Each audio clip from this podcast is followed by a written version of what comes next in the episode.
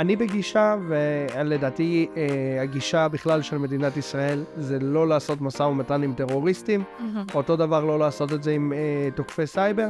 בדרך כלל, וההגדרה שאני מנסה לקדם, זה מי שתוקף גם בסייבר תשתיות קריטיות, הוא טרוריסט לכל דבר. נכון. ולכן, אין מה לעשות משא ומתן, צריך להיערך מראש.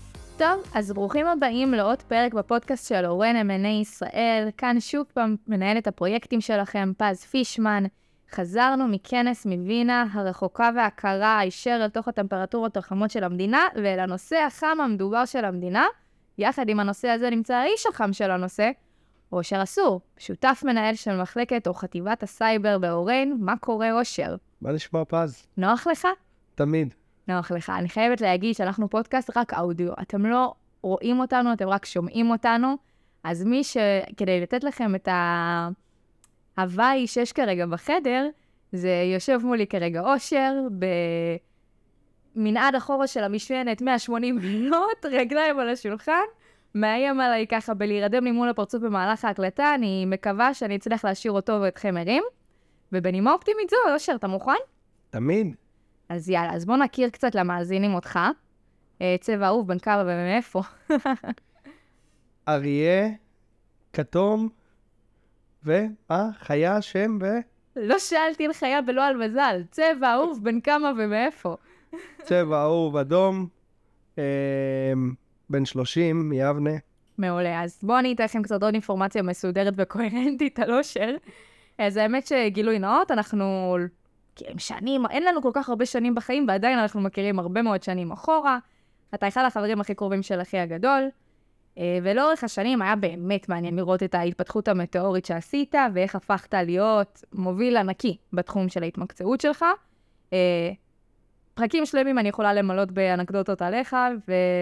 אבל יש לי הקראת זמנים, ואנחנו באמת uh, רוצים להגיע לעיקר, אז אנחנו נוציא ממך היום את העיקר, ואולי נשמור את הזכות לאיזה פרק אחר של אנקדוטות עליך. אני חושבת שיהיה גם פרק שישמחו להאזין לו. אז uh, בוא נבין למה הבאנו אותך לפה. אז קודם כל, אתה באמת uh, שותף ומנכ"ל חטיבת אבטחת המידע והטכנולוגיה באורן ישראל. בעברך הקמת עסק עצמאי לאבטחת מידע שאותו מיזגת לפה. Uh, היית Head of Cyber Security Research בחברת קומסק, עבדת בחברות גדולות כמו צ'ק פוינט ובזק, וכמובן, אם נלך אחורה, תפקידיך בצה"ל, שאנחנו מנועים מלציין אותם. זה ככה. לא הייתי כותב את הקורות חיים שלי יותר טוב. עשיתי בצ'אט GPT. מי זה אושר? um, וכדי להסביר היום יותר טוב, המהות של הפרק, uh, ככה מי שהצליח להבין מה-job description שלך, אז באמת היום אנחנו הולכים לדבר על uh, סכנות ואבטחת מידע בארגונים. Uh, ולא רציתי שהפרק הזה יהיה פינג פונג הגדרות, אני אבקש ממך מונח, אתה תיתן לנו את ההגדרה, כי את זה הם פחות או יותר יכלו לעשות גם לבד בחיפושים באינטרנט. ב-chat GPT. ב-chat GPT.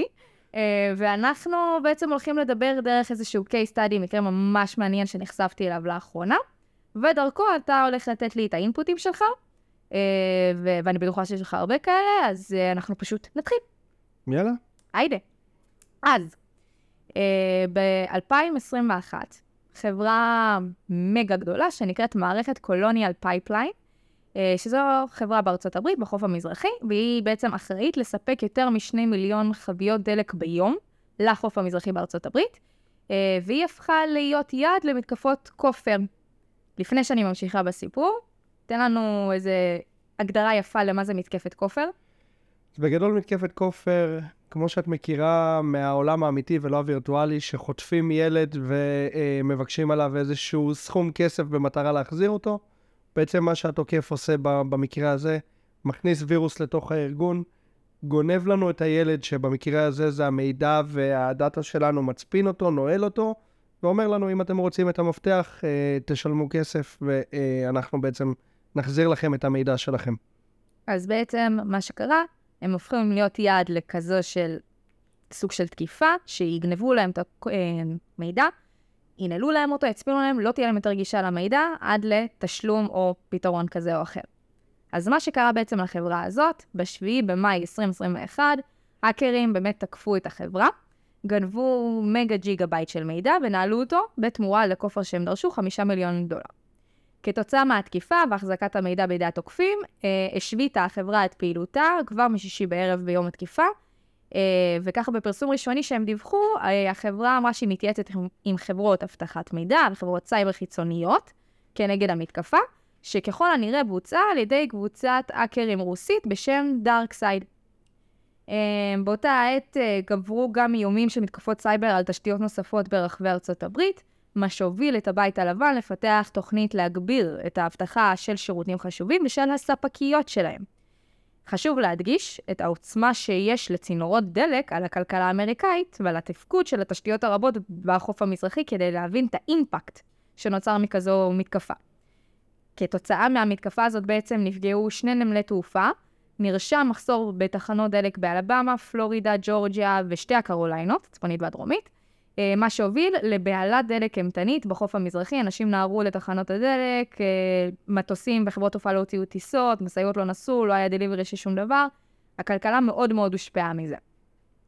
חלק ממערך ההתמודדות הראשוני של החברה, אה, אחרי שהיא ספגה בעצם את התקיפה, היה להשבית חלקים מהרשתות שלהם כאמצעי זהירות, כדי שלא יוכלו להמשיך ולתקוף אותם ולהגיע לעוד דאטה. אה, והם גם רצו לבדוק מה בדיוק פגעו, איך בדיוק חדרו, והאם יש עוד חולשות מיידיות אה, שהם צריכים להבין, כדי שהם יוכלו לחזק כבר בשלבים הנוכחיים את מה שיש להם. אה, ולכן נעצרה פעילות החברה, הדלק לא זרם, ואנשים לא קיבלו את מה שהם היו צריכים לקבל. זה לא קרה רק ליום אחד, ולא לכמה שעות, זה קרה במשך מספר ימים. ועד כמה ההשפעה הייתה חריפה? ב-9 במאי, שזה כבר יומיים לאחר התקיפה, נשיא ארצות הברית ג'ו ביידן הכריז על מצב חירום לאומי, בגלל שחברה אחת לא הצליחה לספק דלק. תבינו עד כמה ההשפעה הייתה פסיכית. לאחר שיתוף פעולה של ה-FBI, ה-NSA, שזה הסוכנות לביטחון לאומי, וחברות לביט... אה, פרטיות לאבטחת מידע, נעצרה מתקפת הסייבר ב-12 במאי, זאת אומרת חמישה ימים לאחר התקיפה, אה, ואז גם חודשה באופן חלקי פעילות צינור הנפט, ידפו כמובן אזורים, והחברה שילמה להאקרים כ-75 מטבעות ביטקוין, שזה בערך כמעט 5 מיליון דולרים, כדי להשיב גם את הדאטה הגנוב. סיפור מאוד מאוד עצוב, טרגי, האימפקט הכלכלי, גם לדעתי על החברה וגם על המדינה, היה הרבה יותר מחמשת מיליון הדולרים שדרשו כבר מהיום הראשון, שבפועל לקח חמישה ימים לשלם אותו. מה לדעתך החברה או כל חברה הייתה צריכה לעשות כדי להגן על עצמם מפני תקיפות אפשריות כאלה, תוך כדי שהם ככה מבינים שתוקפים אותם, ובטח ובטח אחרי התקיפה. אז כמו שהזכרת, אנחנו מדברים על שנת 2021, אנחנו מדברים על ארה"ב ולא ישראל. בדרך כלל לי זה לא יקרה, זה דווקא אה, מאוד ישראלי, אבל פה אנחנו מדברים על ארה"ב. וירוס כופר אנחנו מכירים כבר המון שנים, ומ-2017 הוא ממש תפס תאוצה. זאת אומרת שהנושא הוא לא חדש, לפחות ארבע שנים מכירים את הווירוס כופר, ומחפשים דרכים להתמודד איתו בכל המישורים האפשריים. Mm-hmm. עכשיו, אם אנחנו מדברים על חברה כזאת, אה, שיודעת שהיא תשתית קריטית, היא מודעת לזה שהיא תשתית קריטית, ארה"ב מגדירה אותה כתשתית קריטית, זו חברה שקודם כל צריכה לעשות, במקרה של וירוס אה, כופר, גיבויים. קודם כל שיהיה לה גיבוי למידע שלה, גיבוי שלא נגיש לרשת, אלא רק מגבה ושומר. ואז ברגע שיש וירוס, מעלים מגיבוי, מפספסים יום, יומיים, שעה, שעתיים, תלוי בהיקף הגיבויים, אה, וחוזרים חזרה לפעילות רגילה כאילו לא קרה כלום. אה, זה נכון על פניו רק מבחינת הווירוס כופר. אבל פה, אה, ברגע שחברה נתקפת, צריך רגע להבין. צריך לקחת את, ה, את ההתקפה ולתחם אותה ולנהל אותה נכון. מצד אחד, אתה רוצה להבין איך תקפו אותך, מה עשו, איך עשו, ולפעמים אתה לא רוצה שהתוקף ידע שאתה יודע שהוא כבר נמצא שם. עכשיו, התקפה כזאת היא, היא לא לוקחת יום או יומיים או חמישה ימים כמו שהחברה הושבתה. אה, התקפה כזאת לוקחת הרבה זמן, כי התוקף נכנס לרשת, מנסה להיות מאוד מאוד שקט. אחרי שהוא נכנס לרשת והוא שקט, הוא מושך קצת את הזמן כדי שלא יהיה חתימות וזמנים שלא ידעו איך הוא נכנס, שלא יעלו עליו, ובדרך כלל התקפה כזאת של וירוס כופר יכולה לקחת גם חצי שנה עד האקט הרועש של הצפנת המידע, אה, שקורה ב- ב- די מהר כל תהליך ההתפשטות של ההצפנה. Mm-hmm. ופה במקרה הזה היו מספר כשלים, ואחד הכשלים העיקריים זה שהצליחו לגשת באמצעות VPN עם יוזרניים וסיסמה לתוך רשת הארגון.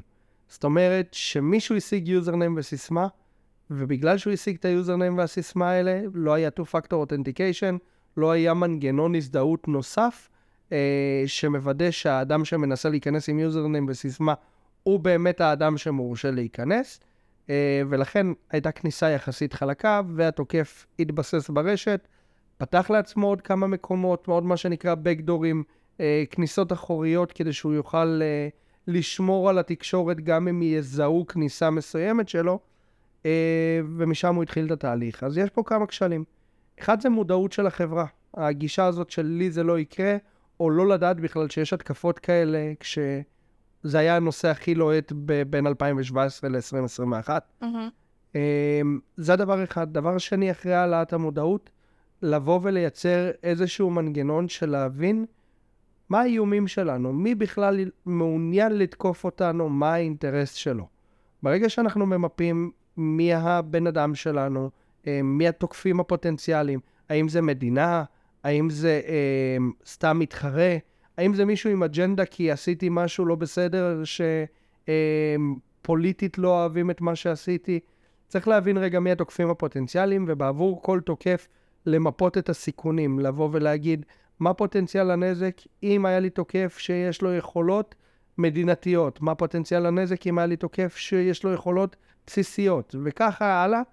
ואחרי שאנחנו ממפים את כל הסיכונים, לבדוק רגע את עצמנו, לבדוק שאנחנו לא חדירים, מה שנקרא לעשות בדיקות חדירות, אה, להזמין מומחים שיודעים איך לבצע את העבודה, נותנים להם לפרוץ אלינו בצורה מבוקרת למערכות, לתשתיות, לשרתים שלנו, והם יודעים להצביע איך הם נכנסו, לתת לנו דוח מסודר, ובעצם לסגור את הפרצות שאותו אה, תוקף אה, זיהה, אותו תוקף אה, אתי, לבן, זיהה, אה, ולעשות את זה בצורה מחזורית. עכשיו, לצורך העניין, אני יוצאת בנקודת הנחה שרוב המאזינים שלנו של הפודקאסט זה יזמים או בתחילת דרכם, או אפילו בעצמם עוד לא יזמים, אבל מתכננים להיות, זאת אומרת, אנשים שאולי אפילו עוד לא הקימו חברה. כמה בשלבי בניית החברה והקמת החברה, מתי היית מכניס את השלב של בניית השלד של אבטחת המידע באמת? אז יש פה, יש פה אה, איזון שצריך לעשות בין עלויות של אבטחת מידע, כי אבטחת מידע יכול לעלות המון כסף, Mm-hmm. לבין כמה בכלל הארגון מרוויח ומה פוטנציאל הנזק שהארגון יכול להיפגע.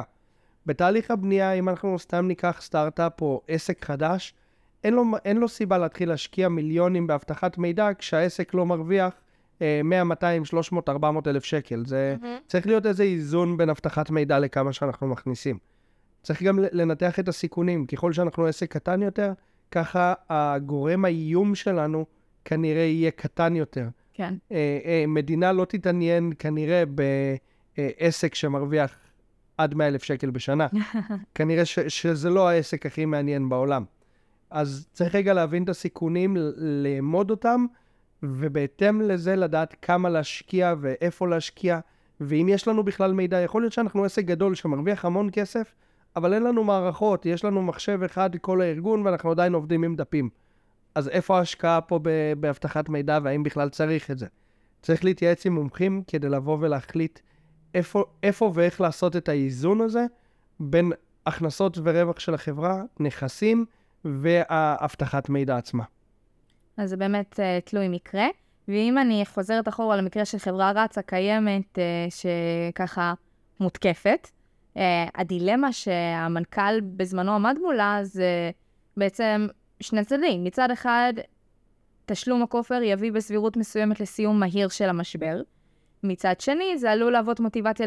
לתוקפים נוספים לתקוף את החברה שלו, שעכשיו כבר, בטח כבר כל הדארקנט, אם אני מניחה, וכל המקומות הרלוונטיים כבר יודעים על הפרצות שלו ואיך הם עשו לו את זה והכל. מצד שלישי, להשבית חברה ולא לשלם את, ה... את הכופר, גם עלה המון כסף בדיעבד, עלה הרבה יותר מהחמישה מיליון דולר. איך מנהל בדילמה כזאתי יכול להעריך מה יותר טוב לי? להמשיך לנסות להתמודד מול תוקפים, או לנסות לסיים את הפרשה כמה שיותר מהר? אז לפעמים ניהול המשבר הוא, הוא עבודה של מקצוען ולא בהכרח של מנהל הארגון. לפעמים מנהל הארגון יכול לבוא ולקחת מישהו שהוא ינהל לו את המשבר, מישהו שמכיר את המצבים, מבין את הסיטואציה, מבין את האינטרס של התוקף.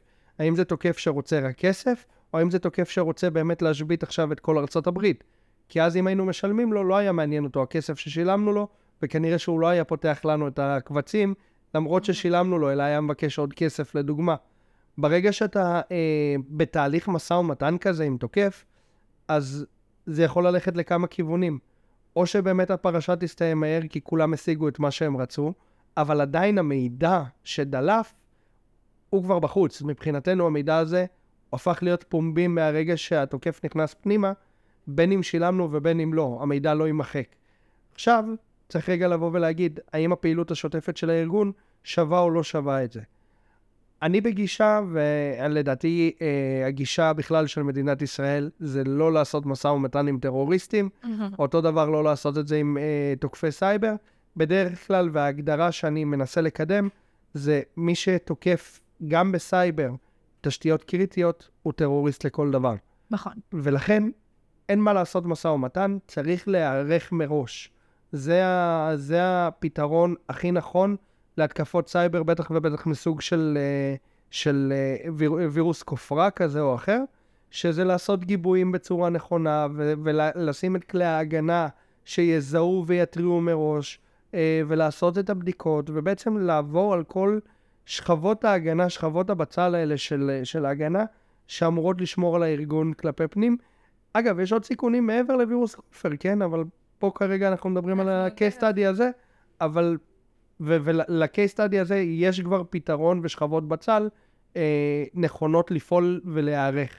בדיעבד קצת יותר קשה, ויש מצב שארגון יצטרך אה, להתחיל למלא אה, נתונים מחדש אם הוא לא הולך לשלם, או אם הוא שילם ולא קיבל את המידע מה, מהתוקף. ועכשיו שאלה קצת של אדיוטים. אני עכשיו מנהלת אה, עסק או מיזם או וואטאבר, וקיבלתי באמת הודעה שהעסק שלי הותקף. מה הטלפון הראשון שאני עושה? מומחה אבטחת מידע. לא משטרה, לא זה, מומחה אבטחת מידע. מומחה אבטחת מידע, ותלוי בגודל העסק. אם, אתם, אם את עסק קטן, בינוני, כנראה שהטלפון הראשון שלך, אחרי המומחה אבטחת מידע, וגם הוא ימליץ לך לעשות את זה, זה טלפון למערך הסייבר הישראלי, Mm-hmm. שכבר מכיר כמה התקפות וכמה וירוסים, ולחלק מהווירוסים כבר יש פתרון של אה, לעשות אה, פתיחה של ההצפנה בלי עזרה של התוקף. או-אה, איזה נושא. אה, סבבה, קיבלתי את מה שאתה אומר. באמת ה-case study הזה דיבר על סוג ספציפי אחד של תקיפה, שזה אה, תקיפת כופר, וכשככה התכוננתי לפני זה אה, לפרק, אז חילקתי את הנושאים שהייתי רוצה לדבר עליהם לשתיים. אה, נקרא לזה מוטיבציות לתקיפה וסוגי תקיפות. אה, בוא תסביר, כי אני בטוחה שיש הרבה מאזינים שאולי לא בהכרח מבינים מה זה אומר, גם דיברת על זה מקודם, כשהם צריכים למפות את הסיכונים שלהם, להבין איזה מוטיבציות יכולות להיות כדי לתקוף אותם. אז אתה יכול לתת אולי כמה דוגמאות למוטיבציה לתקיפה? אז בואו נדבר רגע על מה זה תוקף. קודם כל, בתחום ההאקרים יש מושג שנקרא כובע לבן, כובע שחור או כובע אפור. בואו נסביר אותם רגע. כובע לבן זה האקר אתי, האקר שבא לפרוץ כי הזמנתם אותו לפרוץ, ומדווח על הפרצות, מעדכן איפה הפרצות. האקר שחור זה האקר עם אינטרס כלכלי, מדיני, תכף אנחנו נדבר על כל האינטרסים והמוטיבציות. האקר אפור זה האקר שהוא סוג של אה, מיקס בין הלבן לשחור, הוא עוזר, הוא עוזר לארגונים, אבל מצד שני הוא פורץ אליהם בלי שהזמינו אותו כדי לבקש מהם כסף, אה, כדי לזכות באיזה תהילה או משהו בסגנון. אוקיי. אז יש גם כאלה, כמו לאסוף פוקימונים רק בתקיפות. משהו בסגנון. עכשיו, יש עוד כל מיני כובעים, והתעשייה ממציאה כל יום אה, עוד, עוד צבע חדש ל, לכובע האקר כזה או אחר, אבל אלה המוק, המקוריים וה, והמוכרים. אז ברגע שאנחנו מבינים שיש את האקר הטוב ויש את האקר הרע, בואו נדבר רגע על מה זה, אה, מה, מה המוטיבציות שלהם. מהמם. אז האקר הלבן, אנחנו מבינים את המוטיבציה שלו. המוטיבציה שלו לעזור, כנראה שזה חלק מהעבודה שלו, אה, בדיוק כמו שאנחנו עושים אצלנו פה בארגון. האקר השחור, לצורך העניין, המוטיבציה שלו יכולה להיות כלכלית, אני רוצה עכשיו להרוויח כסף ומהר. המוטיבציה שלו יכולה להיות פוליטית. אה, נגד ישראל, אם ניקח עכשיו את אופ ישראל שקורה פעם בשנה. תקיפות על ישראל רק מעצם קיום ישראל כישראל. שנאה, לישראל, או ההתייחסות לישראל כמדינת אפרטהייד, או משהו בסגנון הזה. אה, אז זה באמת פוליטי ומחאתי. אה, יכול להיות מחאה כנגד ארגון. לצורך העניין, ארגון ה- אה, הדלק שדיברנו עכשיו עליו עכשיו, כן. בוא נגיד שברמה התיאורטית הוא מזרים את השפכים שלו לאחד מהנערות הגדולים בארצות הברית. תיאורטית, כן, לא אומר שזה קרה. חלילה לא משחירים פה. יכולים להיות אה, האקרים אקטיביסטים שבעד כדור הארץ הירוק, ותוקפים בעצם את הארגון עד שהוא יפסיק להזרים את השפכים. אז אה, זה גם משהו שיכול לקרות, ו- וגם סוג של אה, אה, תקיפה או האקרים כאלה ואחרים עם, אה, עם אה, מוטיבציה כזאת. יש המון סיבות, ל- ל- יכול להיות נקמה, יכול להיות האקרים אה, בין בני זוג לצורך העניין שהתגרשו עכשיו. אם, אם היית שומעת את כמות הפעמים שקיבלתי אה, הודעות מגברים לצורך העניין, שהאישה מתפקדת כהאקר, כהאקרית לכל דבר כי היא עוקבת אחרי הגבר ויש לה גישה לחשבונות שלו וכאלה, ומושכת משם מידע, היא האקרית לכל דבר, גם אם. לא, אם זה לא המקצוע שלה. אז גם כאלה יש, ומבקשים ממני עזרה גם ברמה הפרטית. יש המון סוגים של מוטיבציות, ואנחנו צריכים לדעת לזהות את המוטיבציה של התוקף שתקף אותנו כדי לדעת להתמודד מול התוקף ולעשות איתו את המשא ומתן. ובגלל זה דרוש מומחה לניהול משבר. אז דיברנו רגע על, על, על המוטיבציות שיש. בואו נדבר על סוגי התקיפות.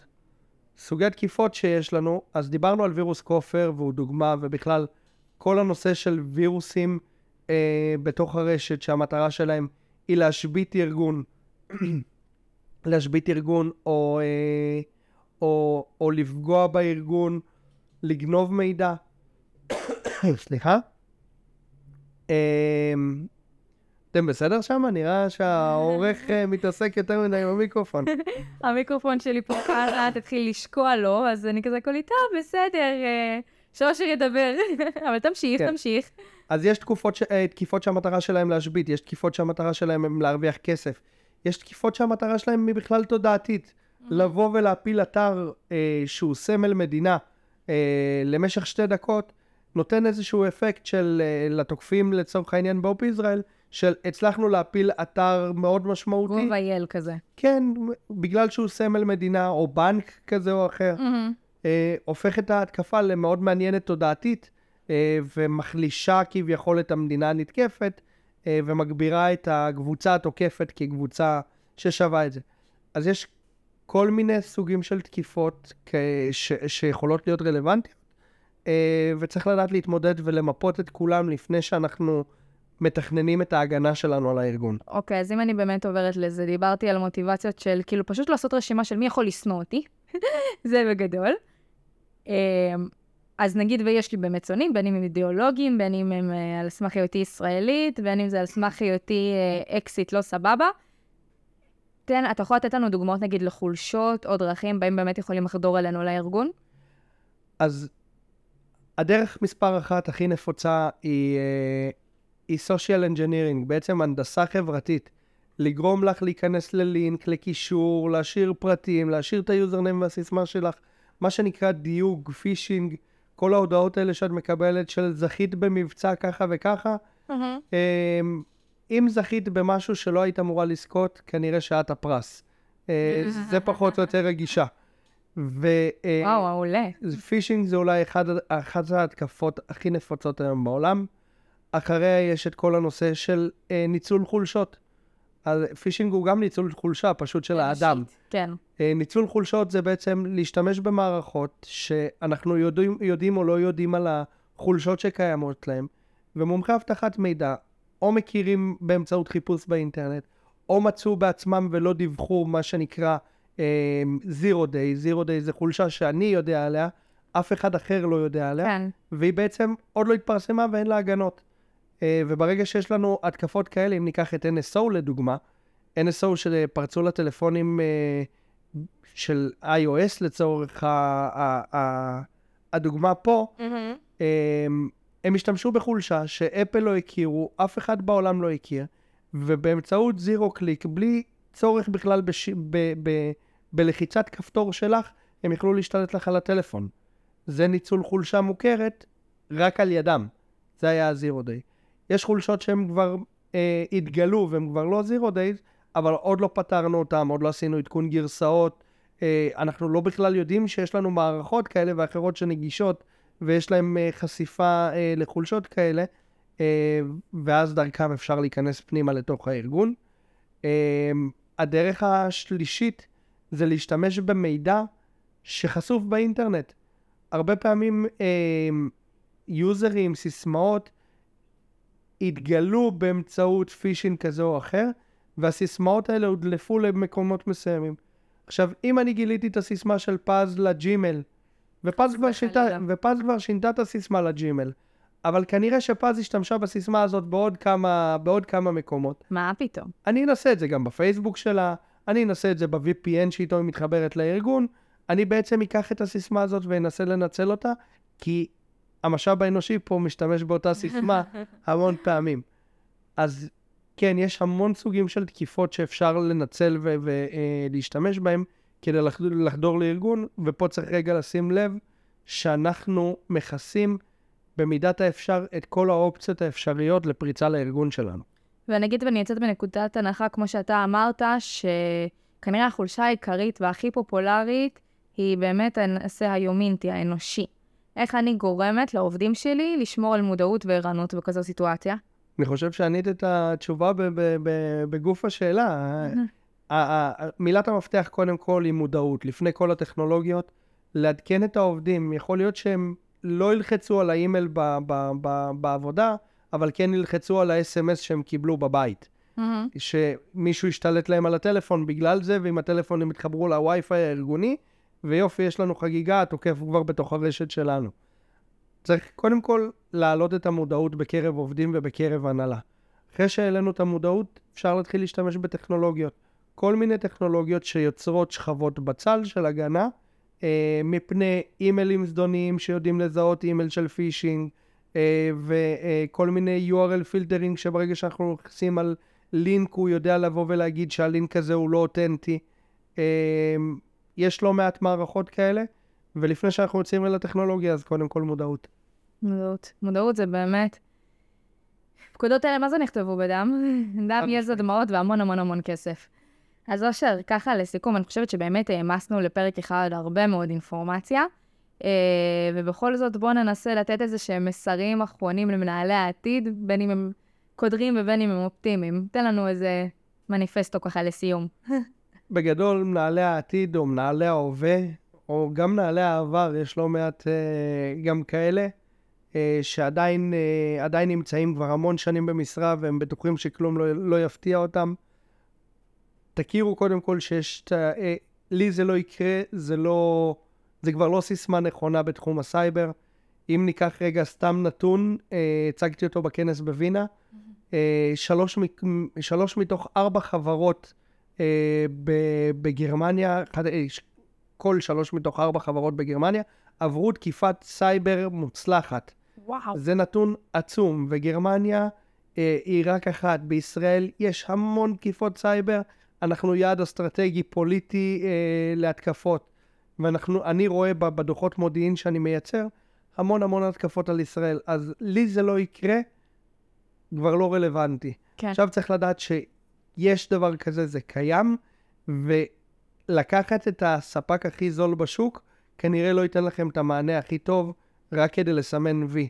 המטרה שלכם זה לא רק לעמוד בתקן או להוכיח ללקוח שאתם מאובטחים, תוכיחו לעצמכם שאתם מאובטחים. תישנו טוב בלילה, ככה אתם תדעו שהכל אה, מאובטח והכל בסדר. אין 100% באבטחה, כן? חשוב להגיד. כן, ברור. אבל צריך לתת את ה-coverage הכי מלא, ואת האיזון הכי נכון מבחינת כסף אה, שאנחנו מוציאים אל כסף שאנחנו מכניסים. זה כאילו תוציאו אגורה לבנה כדי למנוע יום שחור, בגדול. או לנסות למנוע יום שחור. אני חייבת להגיד שמהניסיון שמה... שלי גם, מהחודשים שאנחנו פוגשים פה מיזמים וסטארט-אפים, יצא לנו כבר כמה וכמה פעמים לפנות אליך, לקרוא אליך לפגישות, אה, עם מיזמים שקשורים ל... לצורך העניין שחלק מהשירות שניתן ללקוחות, כולל בתוכו לצורך העניין גם גבייה או החזקת פרטים אישיים של הלקוחות. ואחד הדברים שאנחנו שואלים אותם, ובטח ובטח משקיעים ישאלו בדיוק את אותה שאלה, זה מה תוכנית אבטחת המידע שלכם. זה נושא שהוא לא בהכרח נפוץ במצגות למשקיעים, אם אתם תחפשו שבלונות באינטרנט היום, אבל זו שאלה שהיום אני לא חושבת חודשים האחרונים לא נשאלה ולא עלתה בפגישה. מה תוכנית אבטחת המידע שלכם? איך אתם מגנים על הגוף שלכם? כי אני הולך לשים שם כסף ואני לא ארצה לראות את הכסף הזה נופל. אז מעבר לזה שאתם רוצים לישון טוב בלילה, שימו לב שלא רק אתם צריכים להפסיק להאמין שלכם זה לא יקרה, גם המשקיעים שלכם מבינים שלהשקיע בחברה, בטח ובטח ישראלית, עלי זה לא יקרה, לא יבוא בחשבון פה. Uh, וכדאי לכם מאוד לבוא מוכנים עם תשובות כאלה ותוכניות כאלה לפגישות האלה, זה כבר טיפ uh, שככה תיקחו ממני. Uh, כי הרבה מאוד חברות, בדיוק כמו שאנחנו, יש לנו תודה לאיילת אושר שבא וככה תחת אישור המיזם, בודק עד כמה החברה שלהם באמת uh, פריצה או לא פריצה, או חדירה או לא חדירה. גם אני מאמינה, או רוצה להאמין, שהרבה מאוד יועצים וחברות אחרות עושים בדיוק אותו דבר, כי זה אחת מבדיקות האיכות, האיכות של החברה שלכם. אה, אז בנימה אופטימית זו, שמרו על עצמכם, שמרו על העסק שלכם, שמרו על אושר. אושר, תודה רבה שהתארחת פה. תודה לכם. תודה שלא נרדמת. חייבת לציין שבכנס בווינה, איך אושר פתח את הנאום שלו, אגב, אם אנחנו כבר מסיימים, מי שיעז להירדם לי בפרצוף במהלך השיחה, במהלך הנאום שלו, הוא יפרוץ לו לטלפון. עכשיו, אני בעוונותיי לפרוץ לטלפון אני לא יודעת, אבל אחד הדברים שאני אמרתי לאושר לפני שהתחלנו זה שאני ממש יכולה לקחת אותו במוקות, ושהוא בפוזיציית ישיבה שאני פשוט יכולה לדחוף אותו, זה החלק קטנה והוא, והוא נדחף. אה, אז האיומים יכולים לבוא מכל מקום ותמיד תזכרו את זה. אה, וזהו, שמרו על עצמכם ותודה שהאזנתם לנו.